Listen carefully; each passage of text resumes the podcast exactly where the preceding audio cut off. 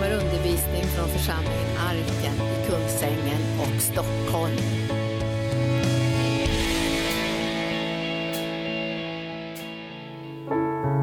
Tack Jesus.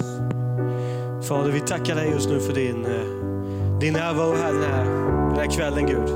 Vi tackar dig Fader för att eh, för 2000 år sedan, Fader, så när Jesus dog på korset så brast förlåten och himlen öppnades, Fader. Och därför tackar vi dig för ett ständigt flöde ifrån tronen just nu Gud. Vi tackar dig Fader för ett helande flöde här ikväll Fader. Vi tackar dig Fader för att upprättelse flödar Fader. Vi tackar dig Fader för att eh, din ande är här för att bara smörja med nya gåvor Fader. Vi prisar dig Fader för att just nu så gör du någonting nytt i våra liv Fader. Vi bara öppnar upp för det och tackar dig för din nåd, din närvaro, din kraft, ditt flöde som bara bryter igenom just nu Gud. Vi tackar dig för det och prisar dig för att din närvaro är här just nu Fader. Vi tackar dig för din godhet, din välsignelse och din smörjelse som bara bryter igenom. Och vi tackar dig Fader för att Jesus är vårt genombrott Fader. Vi tackar dig för att Jesus är vår seger. Och vi prisar dig Fader för att du är här just nu för att bara göra någonting nytt i våra liv. Vi tackar dig för det och prisar dig för det du gör Fader. I namnet Jesus. Mm. Tack Jesus. Tack Jesus. Mm. Tack Jesus. Vad kul att få vara tillbaka och predika här på Arken igen. Väldigt, väldigt glad alltid när jag får förtroendet att predika här. Det är ju en församling som har, har fått betyda väldigt mycket för både mig och, och, och, och eh, min familj och så, här, så jag är väldigt tacksam över det. Gott att få tjäna ihop med dig och så vidare. Vi gick ju nästan bibelskolan ihop. Du gick året efter mig med samma år som, som min fru faktiskt. Är. Och eh, väldigt gott att höra om också vad Gud gör. Jag hör ju så mycket gott om din församling i Norge här vet du, när jag är och reser i Norge. Så det är fantastiskt. Och, eh, och, så. och Det är väldigt gott att vara här. Alltid väldigt gott att vara inför Herren. Och eh, att se Jesus och vad han har gjort på korset. Och ni vet att när vi lever i nya förbundet så förändras ju vårt perspektiv. Att, eh, att eh, du vet, eh, innan korset, då hungrar vi och törstar efter mer. Men nu säger Jesus att den som kommer till mig ska aldrig någonsin hungra eller törsta mer. Så du kan leva ständigt bara tillfredsställd och uppfylld av honom. Eh, Jesus är vårt genombrott. Så, så om du tänker att du ska bryta igenom och du ska få tag på någonting så är du faktiskt 2000 år för sent ute. För när Jesus dog på korset så bröt han igenom alla andra världens första och väldigheter. Och i honom finns gudomens hela fullhet och han bor i dig. Och du vet en helig ande,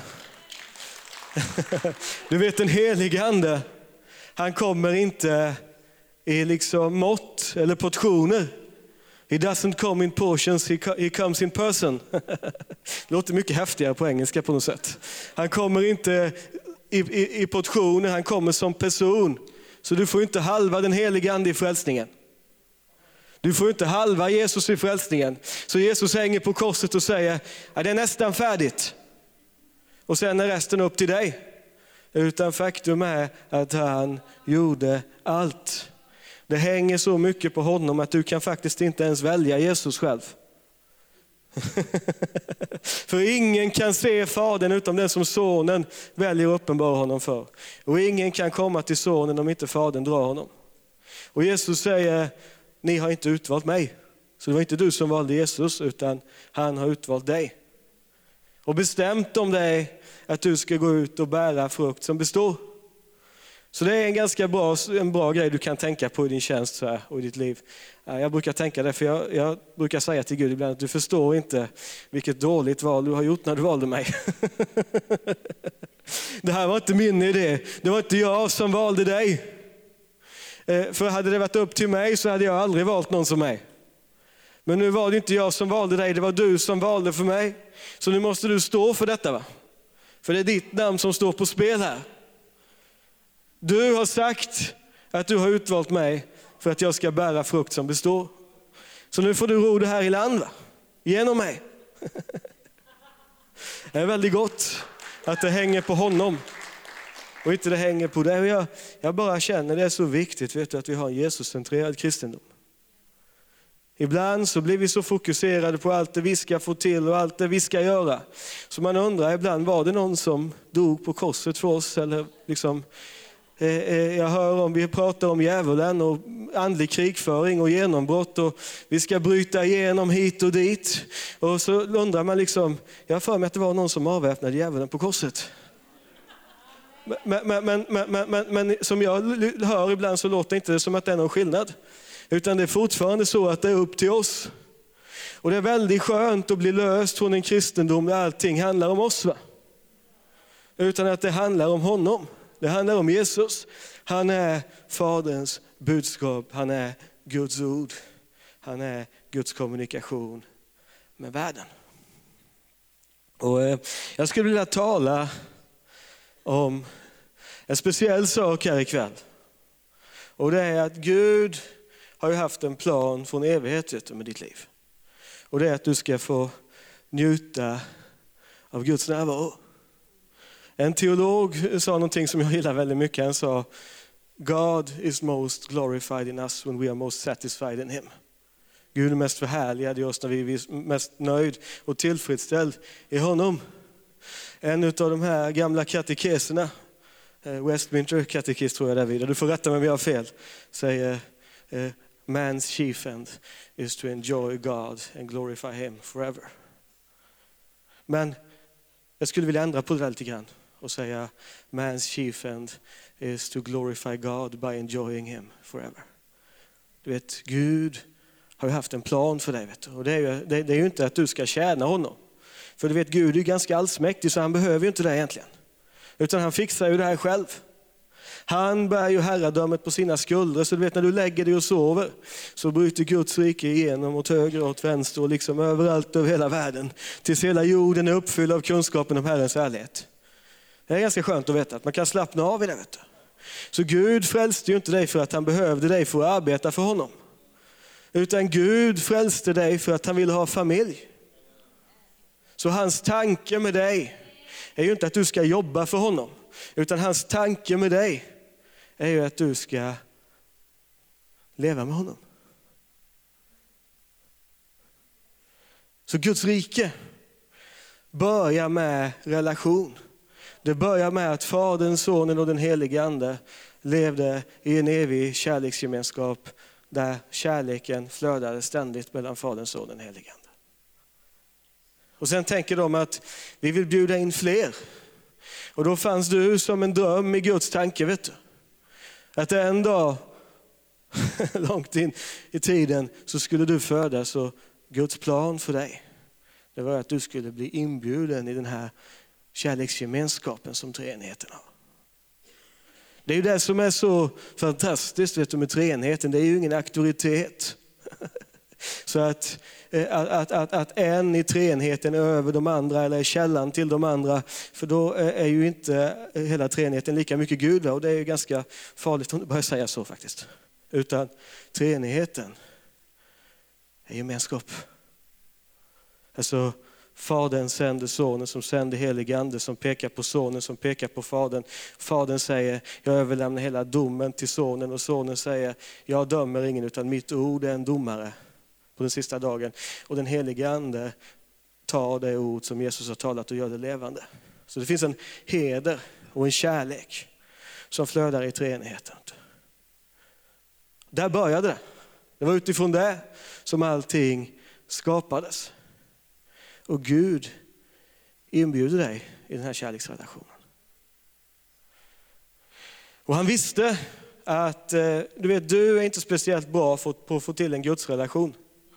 Har du försökt det någon gång? Nu ska jag få till min relation med Gud. Det brukar gå sådär.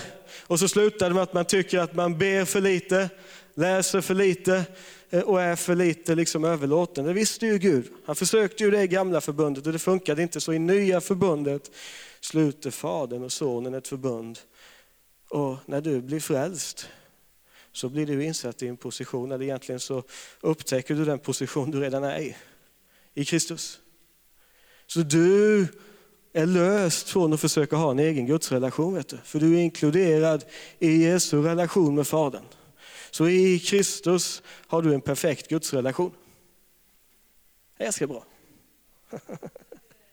För du vet om det hängde på dig, då skulle din gudsrelation vara ganska svajig. Det skulle vara mycket kamp och mycket kämpa för dig. Och därför så tänker han att jag vill bygga något mer stabilt än så. Så han bygger din gudsrelation på Kristus. Så din relation med Gud är lika stabil som Jesu relation med Fadern. I honom ser du hela det kristna livet uppenbart. I honom lever du ditt liv. Och en av de sakerna som hände i syndafallet, det vi ska lyfta upp idag, det var ju att synden förändrar ju inte Gud. Det är inte så att synden gör att, människa, att Gud vänder bort sitt ansikte från människan. Gud har aldrig vänt bort sitt ansikte från människan. En del säger Gud är för helig för att se på synd. Men det stämmer ju inte, för när Jesus kom som är Gud umgicks han ju med, med, med liksom syndare hela tiden. Och när Adam föll i synd så var det inte Gud som sprang och gömde sig, utan det var Adam som sprang och gömde sig i busken. Och Gud kom springande efter Adam och frågade Adam, var är du? Först så försökte han gömma sig fysiskt, det funkade inte. Då försökte han gömma sig eh, eh bakom fikonlöv och det funkade inte. Och då gör han som många män gör, de skyller på frugan. Och så, det var den där kvinnan du gav mig, det var frun som, som såg till att jag hamnade här. Och kvinnan säger, djävulen fick mig att göra det. Så människan försökte gömma sig för Gud. Synden gjorde inte att Gud vände bort ansiktet från oss, utan synden gjorde att människan vände sig bort ifrån Gud. Gud behövde aldrig försonas med oss, utan det var vi som behövde försonas med Gud. Alltså, Gud var i Kristus och försonade världen med sig själv. Det var inte så att Jesus hängde på korset egentligen för Guds skull, utan för din skull. Och då står det så här i Matteus evangeliet 27, vers 45. Och vi kan läsa till och med vers 56 här. Vid sjätte timmen kom över hela landet ett mörker som varade ända till nionde timmen. Och vid nionde timmen ropade Jesus med hög röst, Eli, Eli, lema sabachthani. Det betyder, min Gud, min Gud, varför har du övergivit mig? Några av dem som stod där hörde det och sa, han ropar på Elia. En av dem sprang genast och tog en svamp fyllde den med surt vin och fäste den runt ett spö och gav honom att dricka. De andra sa, låt oss se om Elia kommer och hjälper honom. Men Jesus ropade än en gång med hög röst och gav upp andan. Och se, då brast förlåten i templet i två delar, uppifrån och ända ner. Jorden skakade och klipporna rämnade. Gravarna öppnades och många heliga som hade insomnat fick liv i sina kroppar. De gick efter hans uppståndelse ut ur gravarna och kom in i den heliga staden och visade sig för många. När officeren och de som tillsammans med honom bevakade Jesus såg jordbävningen och det som hände blev de mycket förskräckta och sa, denne var verkligen Guds son. Många kvinnor stod där på avstånd och såg på. De hade följt Jesus från Galileen och tjänat honom. Bland dem var Maria från Magdala och Maria som var Jakobs och Josef mor och modern till Sebedeus söner. Okay? Så vid sjätte timmen här kommer över landet ett mörker som var ända till nionde timmen. Och vid nionde timmen då, så ropar Jesus ut, min Gud, min Gud, varför har du övergivit mig? Finns det någon som säger, det beror på att det var då Fadern utgöt sin vrede över synden över Jesus och Fadern vände bort sitt ansikte från Jesus. Men så står det ju inte i Bibeln, utan det står att Gud var i Kristus och försonade världen med sig själv. Det var inte så att treenigheten imploderade på korset. Det skulle vara ganska jobbigt för våran tro, eller hur? Om treenigheten inte var enig. Då blir det ganska schizofrent och konstigt så här. Så så var det inte, utan du vet fadern hade ju inte för sitt liv velat missa tidernas häftigaste show. Det här var ju den häftigaste händelsen i världshistorien. Liksom i Adam alla dör, så ska i Kristus alla göras levande. När Jesus kommer som den sista Adam och representerar mänskligheten och hänger på korset. Inte vill Fadern missa det, vet du. Han älskar dig alldeles för mycket för att, få, för att få se sina drömmars mål inte gå i uppfyllelse. Så varför ropar Jesus, min Gud, min Gud, varför har du övergivit mig? Inte för att Gud hade övergivit honom, men han ställer mänsklighetens fråga till Gud. När människan föll i synd så hände någonting i människans inre. Därför att människan vände sig bort ifrån Gud. Och då föddes en tanke i människan. Som ni kan se väldigt tydligt om ni läser skapelseberättelsen. Det kom in en förkastelse, en övergivenhet.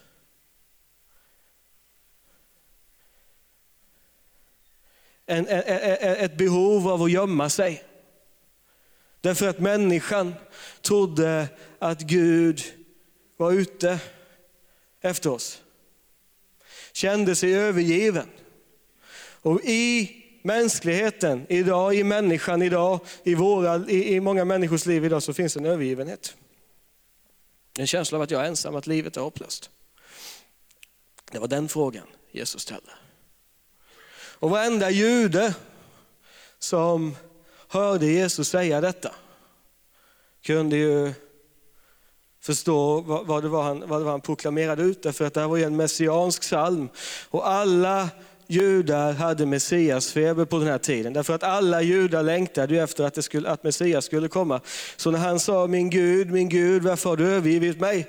Så, sitter ju liksom, så står ju Nikodemus och gänget där och de förstår ju vad det är Jesus vill säga. Det här är ju en Messias-psalm utan like. Psaltaren 22.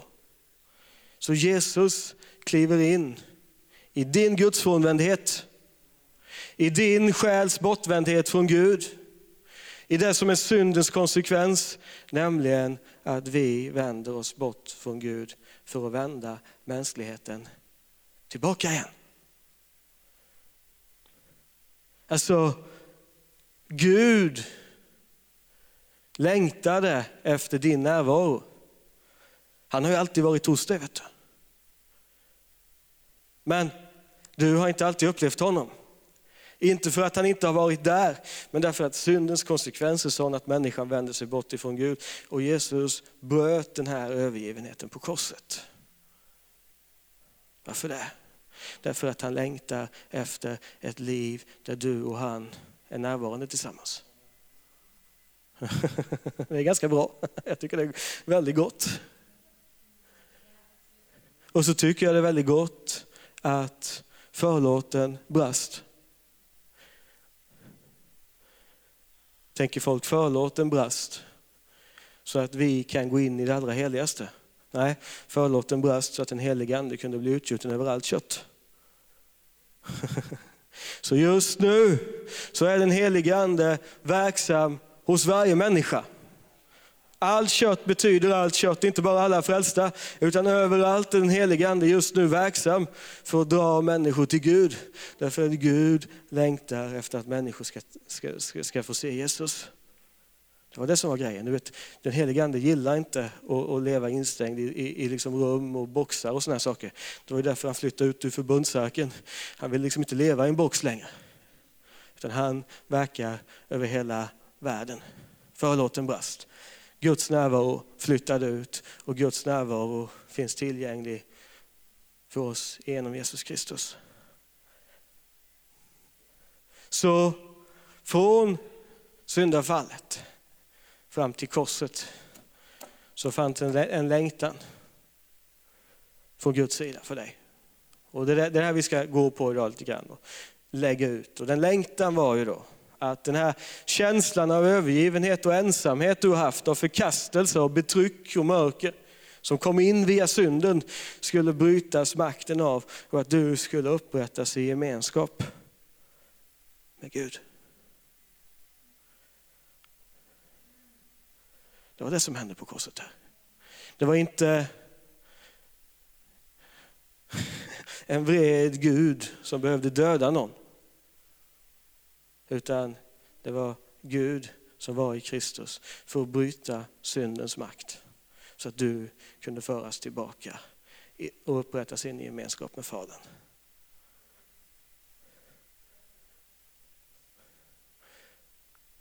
Och han kommer ju väldigt nära dig. Vet du. Jag har predikat om det här många gånger här på arken. Men jag, jag, jag, jag liksom, han kommer så nära att Bibeln säger att den som är förenad med Herren är en ande med honom. När du blir frälst så behöver inte du längre söka efter mer av Gud, uppleva mer av Gud, få tag på, utan du har hela Kristus, hela gudomens fullhet här. Ni är ett. Du har källor av levande, strömmar av levande vatten som flödar ut genom ditt liv. Det var det som hände i frälsningen. Du tar emot Jesus därför att han drar dig till sig. Han flyttar in i dig. Du blir en ande med honom. Guds närvaro bor i dig. Den helige ande vittnar med din ande att du är Guds barn. Det är hans plan för dig. Att du ska vandra med honom i hans närvaro. Ja, men hur ska jag få tag på hans närvaro? Ja, det är precis det du inte behöver. Hans närvaro fick tag på dig. Vet du. Utan du behöver uppenbarelse om vad du redan har i Kristus Jesus. Du behöver inte mer av Gud. Utan du behöver upptäcka vad du redan har fått i Kristus Jesus.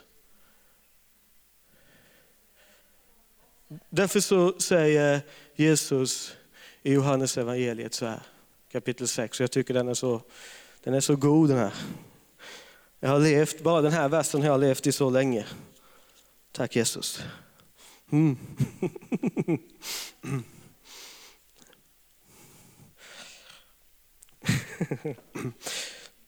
Johannes 6.35. Jesus svarade, jag är livets bröd. Den som kommer till mig ska aldrig hungra. Och den som kommer till mig och den som tror på mig ska aldrig någonsin törsta. Står det. Och så har vi Johannes 7, där det står att den som tror på mig och hans innersta ska strömmar av levande vatten strömma fram. Detta sade han om anden, som, den som, trodde, som de som trodde på honom skulle få. Men anden hade ännu inte blivit utgjuten, ty Jesus hade ännu inte blivit förhärligad. Men nu har Jesus uppstått och blivit förhärligad. Så nu är den helige ande utgjuten och du har strömmar av levande vatten i dig hela tiden. Så du behöver aldrig mer gå igenom en ökenperiod. Du behöver aldrig någonsin gå igenom en andlig torrperiod. Varför ska du det när du har strömmar av levande vatten inom dig? Ibland så talar profetiska tjänster ut 2016, det blir ett bra år. 2017, det blir ett dåligt år. Det här året blir ett år av seger. Nästa år blir ett år där du får gå liksom igenom en öken och en, en, en prövoperiod. Det kan ligga någonting i det, men det gäller inte mig. Därför jag har strömmar av levande vatten i mig. Och jag, det finns bara en, en, en, en säsong, en tid jag lever i och det är, idag är frälsningens dag. Nu är den rätta tiden, idag är frälsningens dag, idag, nu är nådens år. Därför du lever inte längre bunden av tider och stunder, utan du lever i evigheten. Därför att du har blivit en ny skapelse i Kristus Jesus. Så du kan leva ett överflödande liv med honom hela tiden. Och du vet, det är rätt viktigt att vi förstår det här. Jag har känt, jag har, jag har lyft fram det här, jag har predikat det här egentligen överallt där jag har varit här de sista månaderna. För jag har känt att det här är så viktigt att få tag på. Gud vill att du ska leva tillfredsställd i honom. Gud vill att ditt fokus, din tillfredsställelse ska vara i hans närvaro. Han är väldigt tillfredsställd i din närvaro. Du har blivit så ren och helig i Kristus att den helige Ande trivs i dig.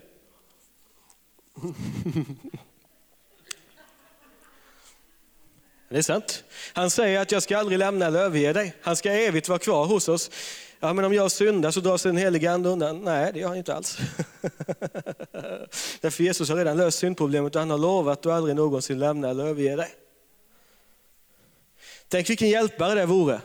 Du har en hjälpare som hjälper dig så länge du agerar som du ska. Men när du inte agerar som du ska så, så säger han, nu ska inte jag hjälpa dig, utan du får, det här får du sköta själv. Så hjälper jag dig när du inte behöver.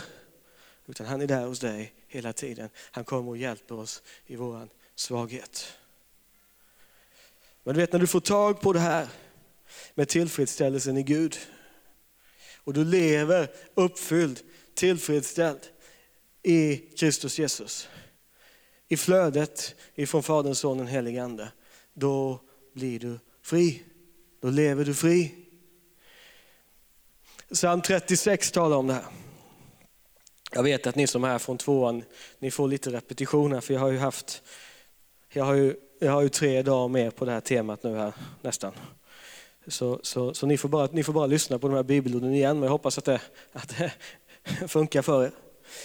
Psalm 36, vers 6 till och med... Mm, nej, jo. Nej, 36, vers 8 till och med 10. Hur dyrbar inte är inte din nåd, Gud?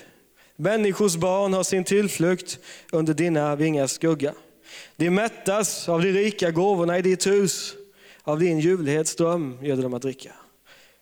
Ty hos dig är livets källa, i ditt ljus ser vi ljus. Jag gillar den engelska översättningen. They are satisfied with the abundance of your house. De är tillfredsställda. De tillfredsställs av överflödet i ditt hus. Och there's a river of his pleasures som vi får dricka ur. Alltså en ström av hans välbehag. En ström av hans ljuvlighet.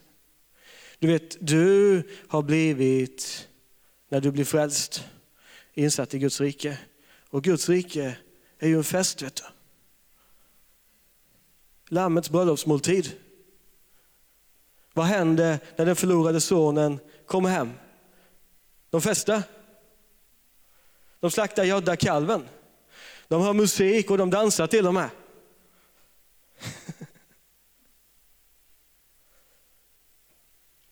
Gud har dukat upp ett bord för dig, vet du, där du kan leva tillfredsställd hela tiden. Och du vet, om vi glömmer av det här och, och glömmer av att tillfredsställelsen finns i Herren och tappar bort fokuset på att Guds tanke, Guds plan för oss, det är att vandra med oss och leva i relation med oss. Så tänker vi att, att vi ska få tillfredsställelse i en massa andra saker.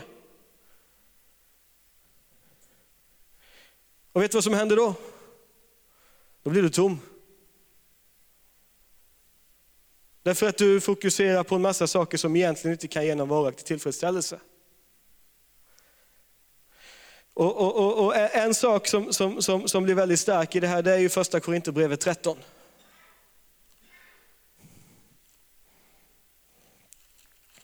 Som säger så här. De första tre verserna. Om jag talade både människors och änglars språk men inte hade kärlek, vore jag endast en ljudande malm eller en skrällande symbol. Om jag ägde profetisk gåva och kände alla hemligheter och hade all kunskap. Och om jag hade all tro så att jag kunde flytta berg men inte hade kärlek så vore jag ingenting. Och om jag delade ut allt vad jag ägde och om jag offrade min kropp till att brännas men inte hade kärlek så skulle jag ingenting vinna. Och det här kan man ju tycka låter märkligt. Därför att det här är ju väldigt bra grejer. Jag talar gärna både människors och änglars språk. Jag är gärna med och har profetisk gåva och känner alla hemligheter och har all kunskap. Och jag har gärna tro så att jag kan flytta berg. Och jag ger gärna till de fattiga och om det behövs så får vi ge vårt liv för evangeliet också. Det är väldigt bra. Så varför blir man som en skrällande symbol? Inte för att Gud säger du älskar inte så jag, jag hatar dig. För du vet, du kan ju inte älska själv. Jag vet inte om du har tänkt på det någon gång. Vi älskar för att han först har älskat oss. Vad den här texten talar om är att du kan flöda i mirakler och Guds kraft och se fantastiska manifestationer utan att du lever tillfredsställd i Guds kärlek. För du kommer alltid ha kärlek när du låter han älska dig först.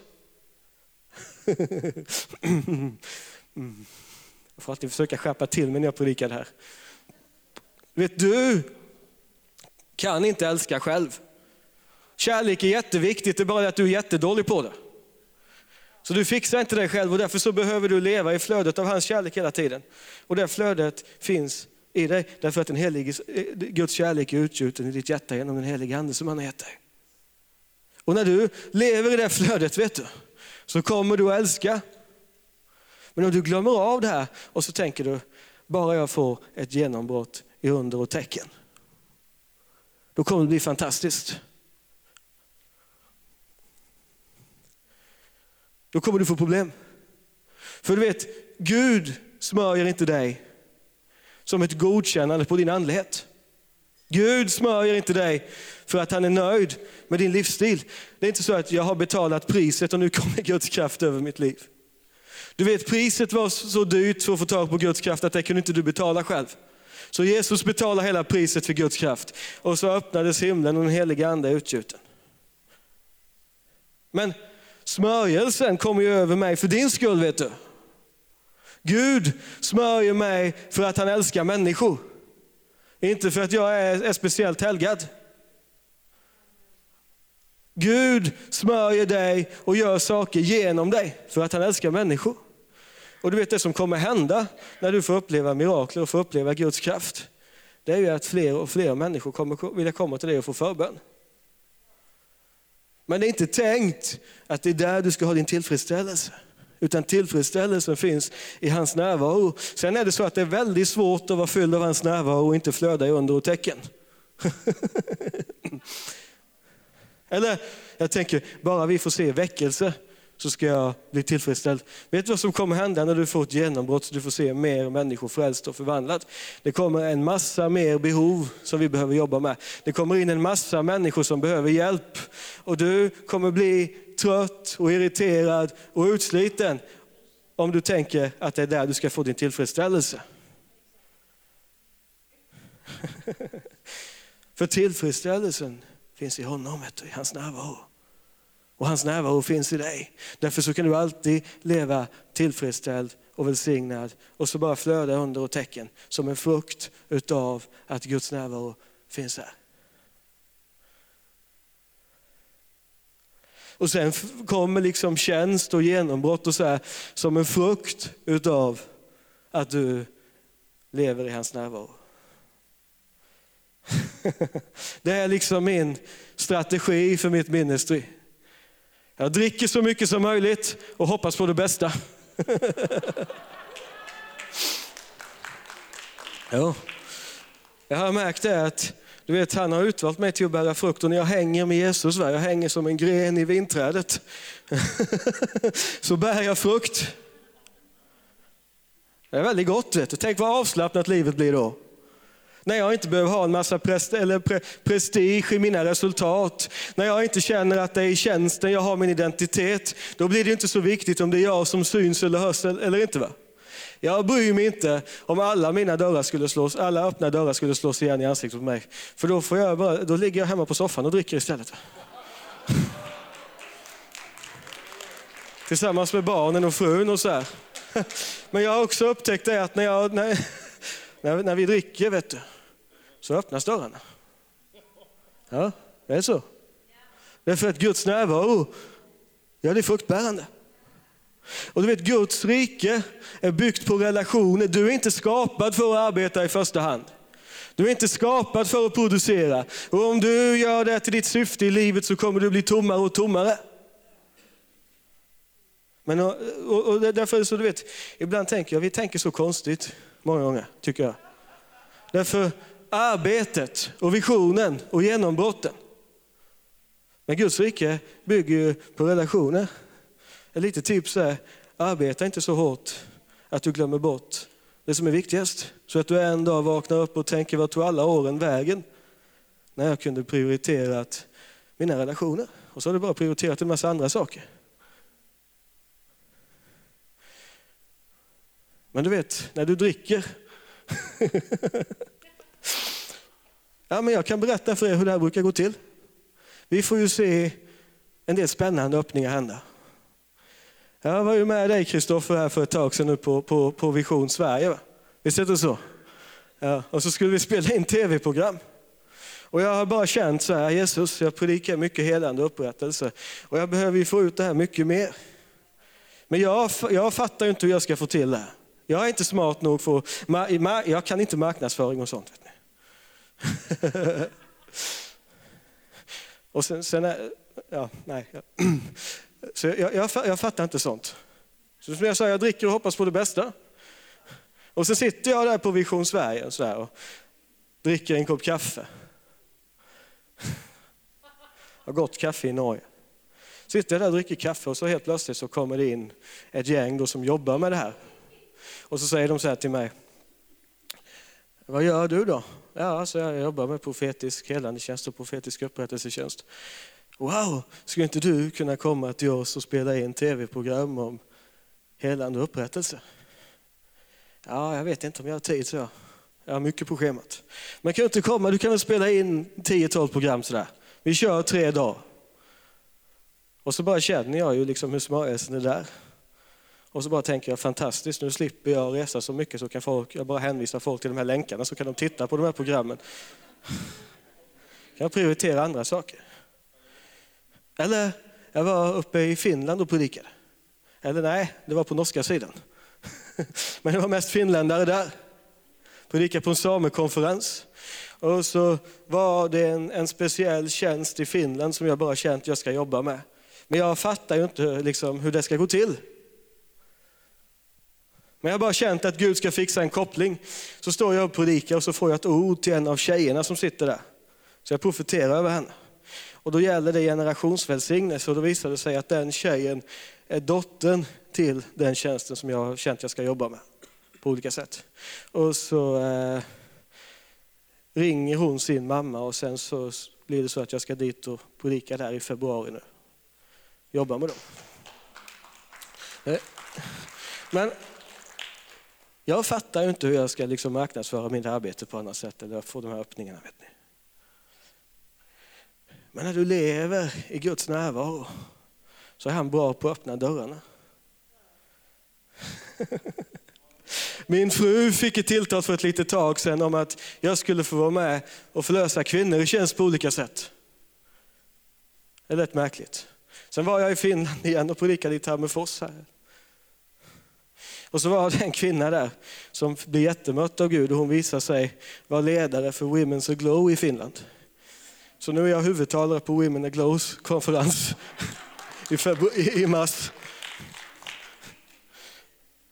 Så när jag är där ska jag ta en gruppbild utav, tillsammans med några av tjejerna och skicka till frun och säga de här kvinnorna tar hand om mig medan jag är iväg, du behöver inte oroa dig. kommer tycka det är jättekul. Men du vet, det är väldigt skönt att leva så. För då behöver inte jag kämpa för det. Jag behöver inte prestera för det. Jag behöver inte ha någon prestige i mitt arbete eller tänka att det här har jag fått till. Utan jag bara dricker och så öppnar det sig. Och eftersom det är Gud som öppnar så är det ju han som måste bevara det. För jag har sagt till honom många gånger att om du vill välsigna vårt arbete så är det fantastiskt. Och om du vill bränna upp det så får du göra det också. Det finns ingen prestige i det. Utan det är du som äger våran tjänst. Det är du som äger våra liv och du får göra vad du vill. För det är hans närvaro, livet tillsammans med honom som är viktigt. Du vet, vi behöver lära oss att värdesätta det här. Det är där du kommer få din tillfredsställelse. Jag brukar ta bilden av äktenskapet här. att Tänk om mitt liv med min fru skulle bygga på att vi liksom sköter huset tillsammans och vi tar hand om barnen tillsammans. Och vi har en massa projekt på gång tillsammans och liksom vårt äktenskap bygger på att nu ska vi fixa de här grejerna tillsammans. så blir det ett ganska jobbigt äktenskap efter ett tag. Du en relation utan intimitet är sällan bra. Och en sur fru vill man inte ha, vet du. det har jag lärt mig genom åren. Det ska du lyssna på den visdomen. Jag gifte ju mig inte med Linda för att jag, jag, jag liksom bestämde att, att, jag skulle, att jag skulle, det var inte för barnens skull jag gifte mig med henne, det var för husets skull. Men eftersom jag älskar henne vet du, så, så, så liksom kommer barnen. Ja, det är en frukt av vårt liv tillsammans. Huset är en frukt av vårt liv tillsammans och så länge vi älskar varandra och har det bra tillsammans så kommer barnen och huset må bra. Men när vi glömmer av varandra och så blir barnen, huset och de här sakerna någonting som vi prioriterar, då blir det jobbigt att leva tillsammans. För vi är inte skapt för det i första hand, vi är skapt för relationer. Och när du lever utifrån en relation med Gud så kommer också de här andra sakerna att flöda och bära frukt. Du kommer inte att behöva oroa dig för din kallelse och tjänst, för Gud, han älskar dig vet du. och han vill ha med dig. Ungefär som när frun vill baka bullar hemma. Hon älskar att baka och jag älskar att äta. Visst, ni, ni ser det va?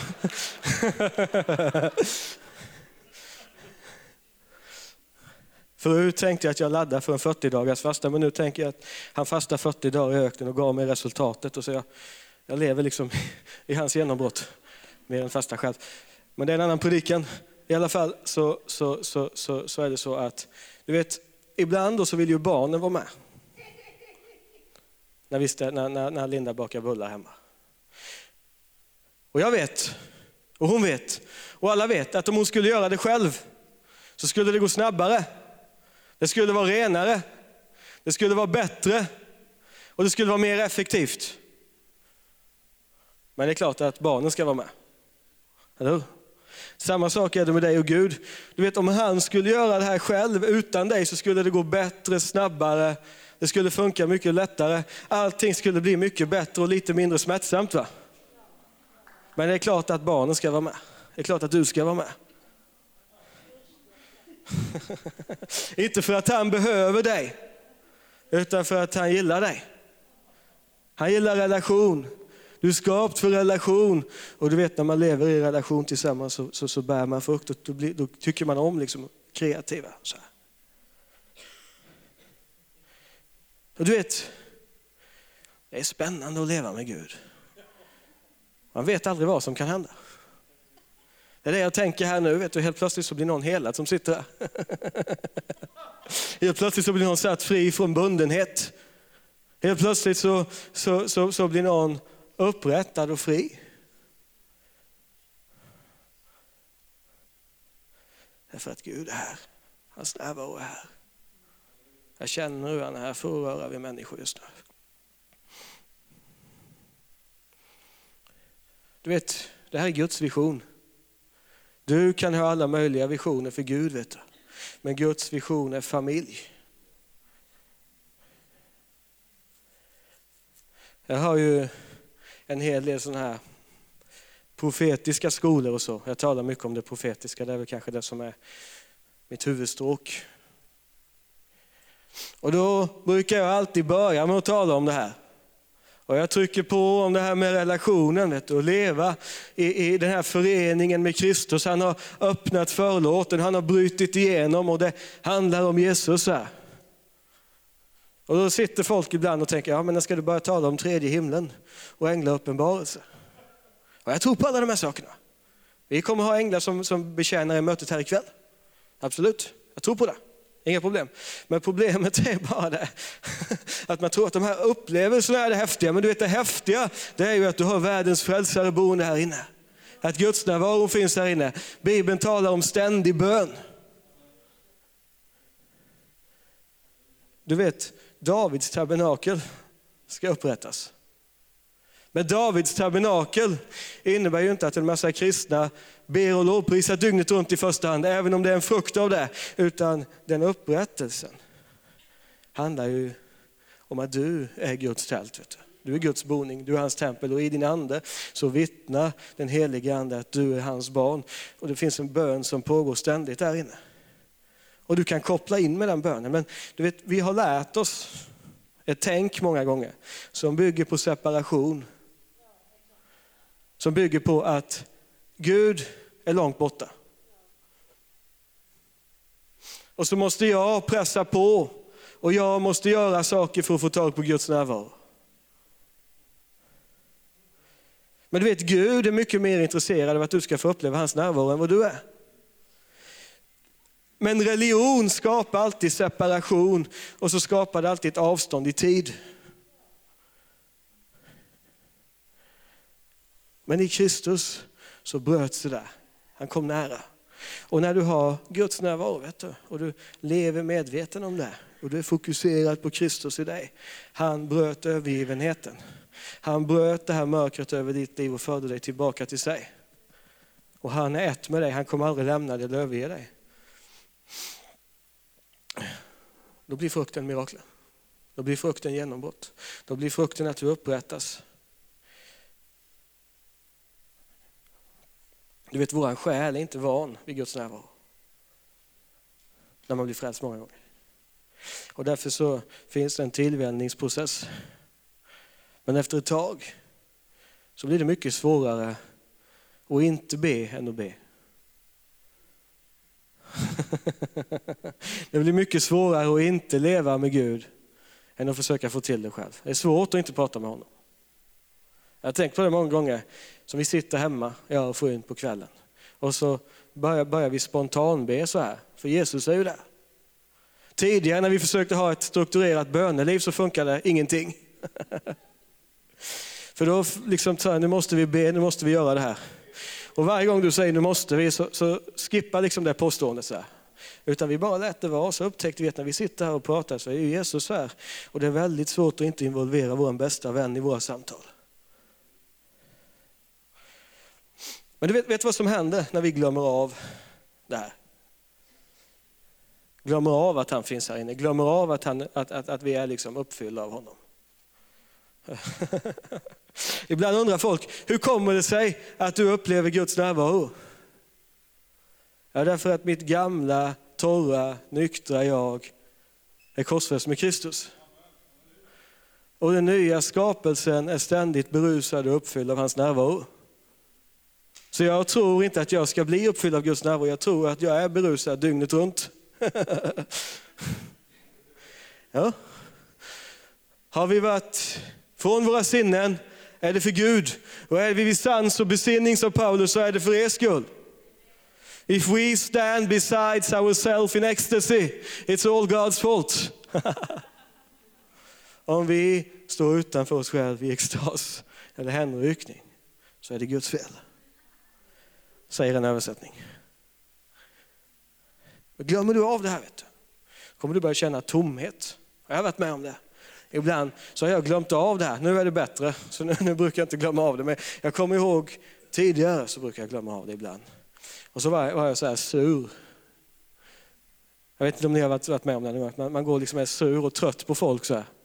Och så var det någon som ringde och ville ha förbön. Och som den ödmjuke Herrens tjänare jag är så gav jag ett snällt svar, för de frågade så här, Martin, vi stör väl inte? Och jag svarar, nej det är lugnt. Men på insidan bara, jo, du stör, försvinn. Jag tittar på hockey. Jag vill inte prata men jag vill inte be för dig nu. Och så där höll jag på liksom och tänkte, jag reser runt och predikar och vi ska liksom Ryssland och, och, pengar hit och dit och eh, de vill veta när vi ska, de ska boka biljetterna på kontoret och jag ska få till mitt schema och allt sånt där. Jag tänkte, tänk vad skönt det vore och bara släppa allt det här, och bara leva ett lugnt och stilla liv. Så här. Jag gick och tänkte så här. Och så helt plötsligt så tog Herren mig insyn. och så stod vi jämte en flod, jag och Jesus. Och så helt plötsligt så bara lyfte Jesus upp mig och kastade ner mig i floden. Och sen hoppar han ner på mig och trycker ner huvudet under vattnet och, så, och skriker drick. Ja. Ni vet den här strömmen av ljuvlighet som går från Guds tron.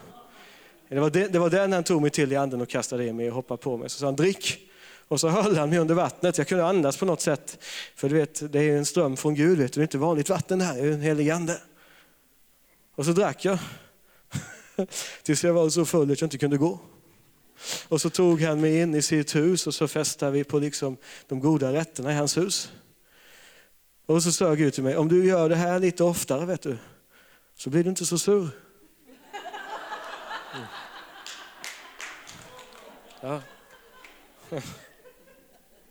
Jag har ibland tänkt på det, ibland tänker vi så här att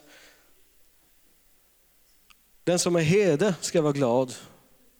Den som är evangelist är väldigt utåtriktad. Men sen så när man tänker på profeten, då tänker man på någon som är lite sur så här.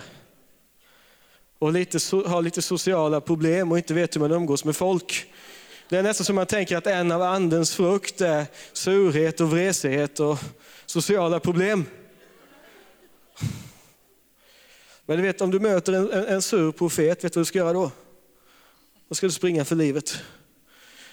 Ja, för du vet, andens frukt är viktig, är bra att den finns och den är kärlek, vet du, glädje och frid och vänlighet och godhet och trohet. Men du vet, du blir sur om du håller på att titta i anden efter alla problem och såna grejer som finns. Och så ska du, du vet, djävulen är inte kul att umgås med. Och om du är för fokuserad på djävulen och på problemen så blir du sur. Och du vet, de, de, de, den som söker han finner, det är en andlig lag. Så när du tittar in i anden och du tittar efter problem och du tittar efter fästen och saker som ska brytas. En del människor pratar mer om andemakt och Isabels ande och allt vad det är, än vad de pratar om den helige ande. Då blir du sur och jobbig. Men tänk om du istället för att titta efter de här sakerna skulle byta lite fokus. Och så tittar vi in i Jesus. Du vet, det är viktigt i vår kristendom att inte glömma bort Jesus. Precis. Jag gillar den. Vet du. Det är viktigt för oss att inte glömma bort han som allt handlar om. Och när du ser på honom så blir du inte så sur. Vet du. Utan då blir du förvandlad. När du skådar honom, när du är med honom, när du umgås med honom. Och jag sa idag på bibelskolan att när du läser bibeln och du lever ditt kristna liv så kan du leva den på två sätt. Antingen läser du bibeln utifrån ett människocentrerat perspektiv och då kommer allting handla om dig. Men om du läser den Kristuscentrerat så kommer allting handla om Jesus. Och då är det många texter och mycket som bara löser sig. I hans närvaro så finns fullheten. Men om du glömmer av det blir du tom. Då söker sig människor som regel antingen till synd eller religion. Och varken synd eller religion är speciellt kul i längden. Tänk dig vet du, Johnny om vi skulle träffas en, en dag du och jag så skulle vi hålla på med religiösa ritualer tillsammans. Vad jobbigt det skulle vara. Jag dricker hellre när jag träffar Jonny. För att då blir man glad, då blir man fri, då bär man frukt. Ja. Och det är spännande vet du, när man lever det livet, för då ser du saker på ett annat sätt. Det pratas så mycket om Ryssland nu. Så här. Det blir tuffare och Putin kommer och så kommer Antikrist och allt vad det är som folk håller på med.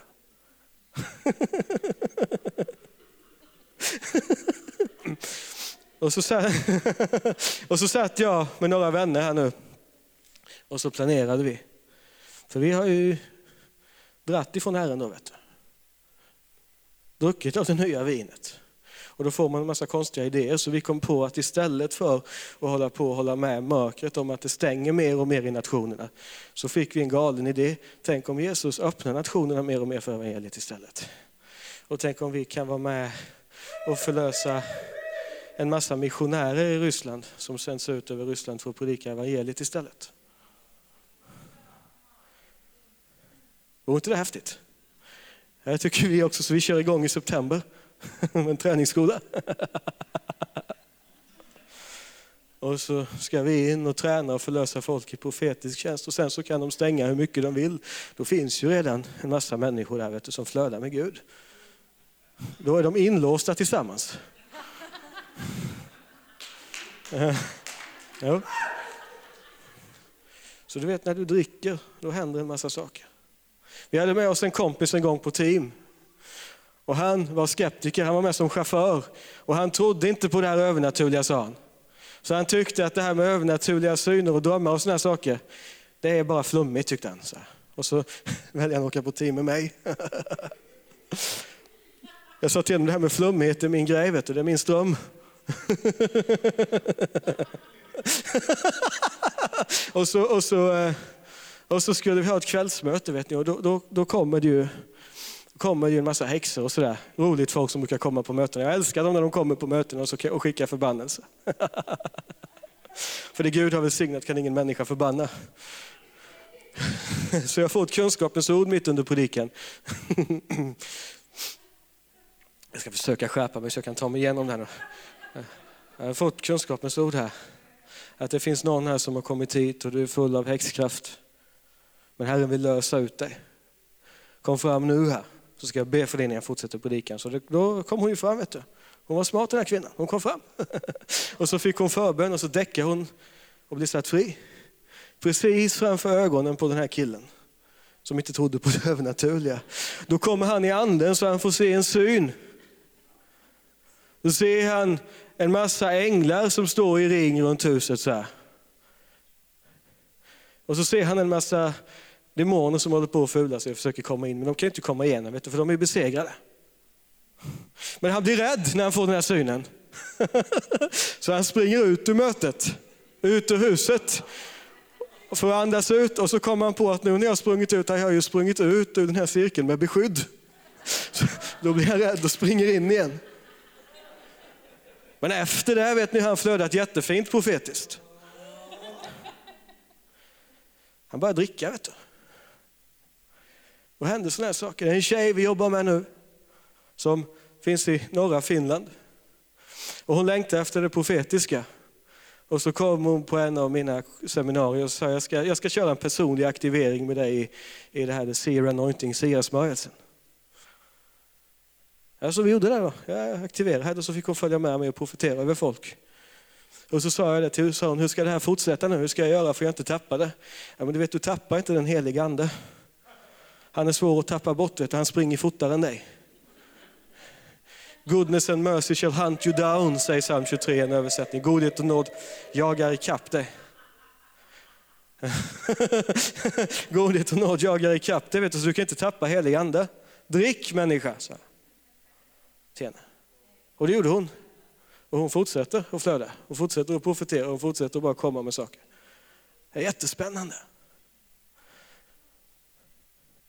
Du vet, om du skulle sluta tänka så mycket på dina gåvor, din kallelse, din plattform, allt du behöver komma ut i och allt det du kämpar för att få till.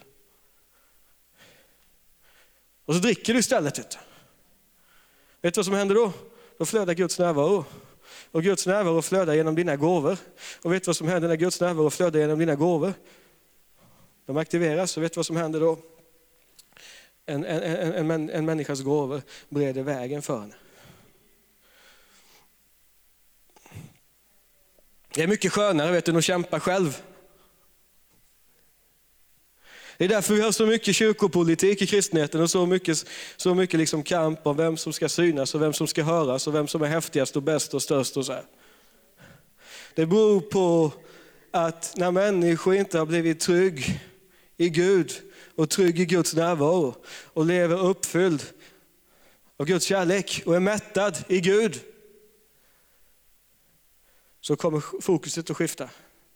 Och då blir fokuset någon annanstans. Och som regel då så blir det antingen i lagiskhet och prestation eller i synd. Och då blir det kamp och strävan för att få till det själv. Och då blir det jätteviktigt att jag syns och hörs, för det är där jag har min identitet. Tycker synd om en del predikanter ibland som jag möter. Efter mötena. Man har predikat tillsammans och det har varit jättestarkt. Starka proklamationer och häftiga budskap och sen sitter de och mår jättedåligt efteråt. Därför att det finns en religiös press att prestera. Men du vet, då är det skönt att börja dricka. För du vet när man dricker så glömmer man glömmer bort sina problem. Vet du. Man glömmer bort sina, de här, den här prestationen och pressen försvinner. Sen är det jättefint och, och, och liksom och, och, få plattform och kunna tala om det och vara stolt över det man har fått ifrån Gud. Det är jättefint om du och marknadsföra det du har fått ifrån Herren. Det är inte alls fel. Det är inte det jag säger nu, så jag säger att ingen ska berätta vad de håller på med. Utan berätta vad du håller på med, gör det bra och gör det mycket. Men se till att inte det är där du har din identitet. Utan se till att du har din identitet i Gud. Då blir du fri. Då kan du istället för att fokusera på inflytande, kan du fokusera på att göra det du faktiskt är kallad till.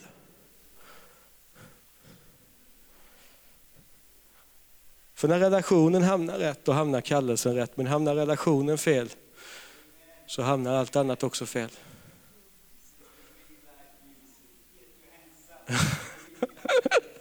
så, så kan det vara. Mm. Tack Jesus för din närvaro just nu. Tack Herre att du är här för att fylla på. Vi är ju redan uppfyllda Fader. Men tack för lite manifestation också här just nu.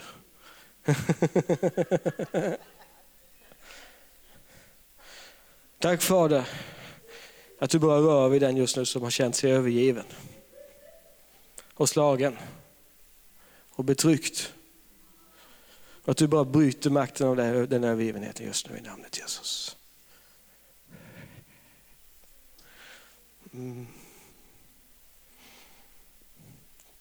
Tack att du kommer till den som är bara väldigt trött i sitt inre just nu.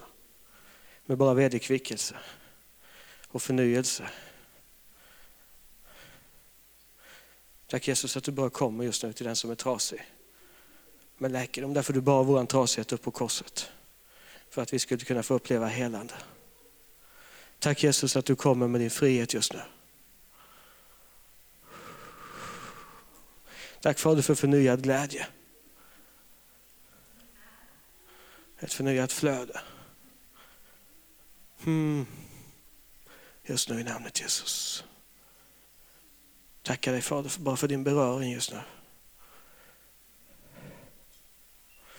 Mm. Tack att du kommer till den just nu som bara idag fick ett jättetufft besked i en av sina nära relationer. Som har med övergivenhet och förkastelse att göra, att du bara bryter makten av det beskedet just nu. I namnet Jesus så bara bryts någonting över ditt liv. Ord som talades ut är bara brutet i namnet Jesus. Och Herren bara löser sin välsignelse över ditt liv. Mm. Tack Jesus. Tack Jesus. Mm. Tack heligande för ny kraft just nu. Mm. wow, himlen är så glad över dig vet du. Himlen gläder sig så mycket över dig, över det du står i, över det du är kallad till, över den du är. Jag bara känner att det finns en sån fröjd från himlen. Så mycket glädje, så mycket frihet. Mm. Bara den här bilden, du vet änglarna gillar att dansa runt omkring dig. För du så, det finns så mycket glädje, det finns så mycket tillbedjan, det finns så mycket lovsång runt omkring dig. Och jag upplever att nu gör Herren något nytt i ditt liv. Han bara plockar fram en ny, typ, en, en ny lovsång, en ny dimension, en ny smörjelse. En ny manifestation av hans närvaro bara förlöses just nu. I namnet Jesus. Yes. Yes. Tack för ny frihet också. Till att nå människor med evangeliet. Mm, det har funnits en längtan efter att nå människor i evangeliet men också en, en, en viss frustration över att du inte har sett mer resultat. Men det kommer vändas nu. Du kommer börja se resultat, du kommer börja se genombrott i människors liv. I namnet Jesus. Tack Jesus.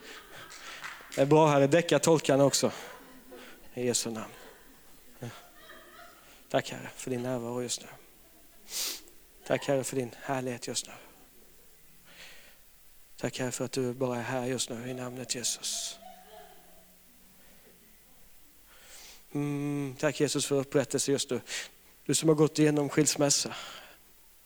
Herren bara rör vid dig. Det finns som en rot av övergivenhet och ensamhet som bara har varit väldigt, väldigt svår. Och det har varit svårt för dig också att människor runt dig har haft svårt att förstå. För du har inte kunnat berätta varför och du har varit dömd i olika tillfällen väldigt hårt av en del människor. Och där finns bara en sån smärta. Jesus kommer in just nu i den här smärtan. Det finns bara helande och frihet för dig. I namnet Jesus.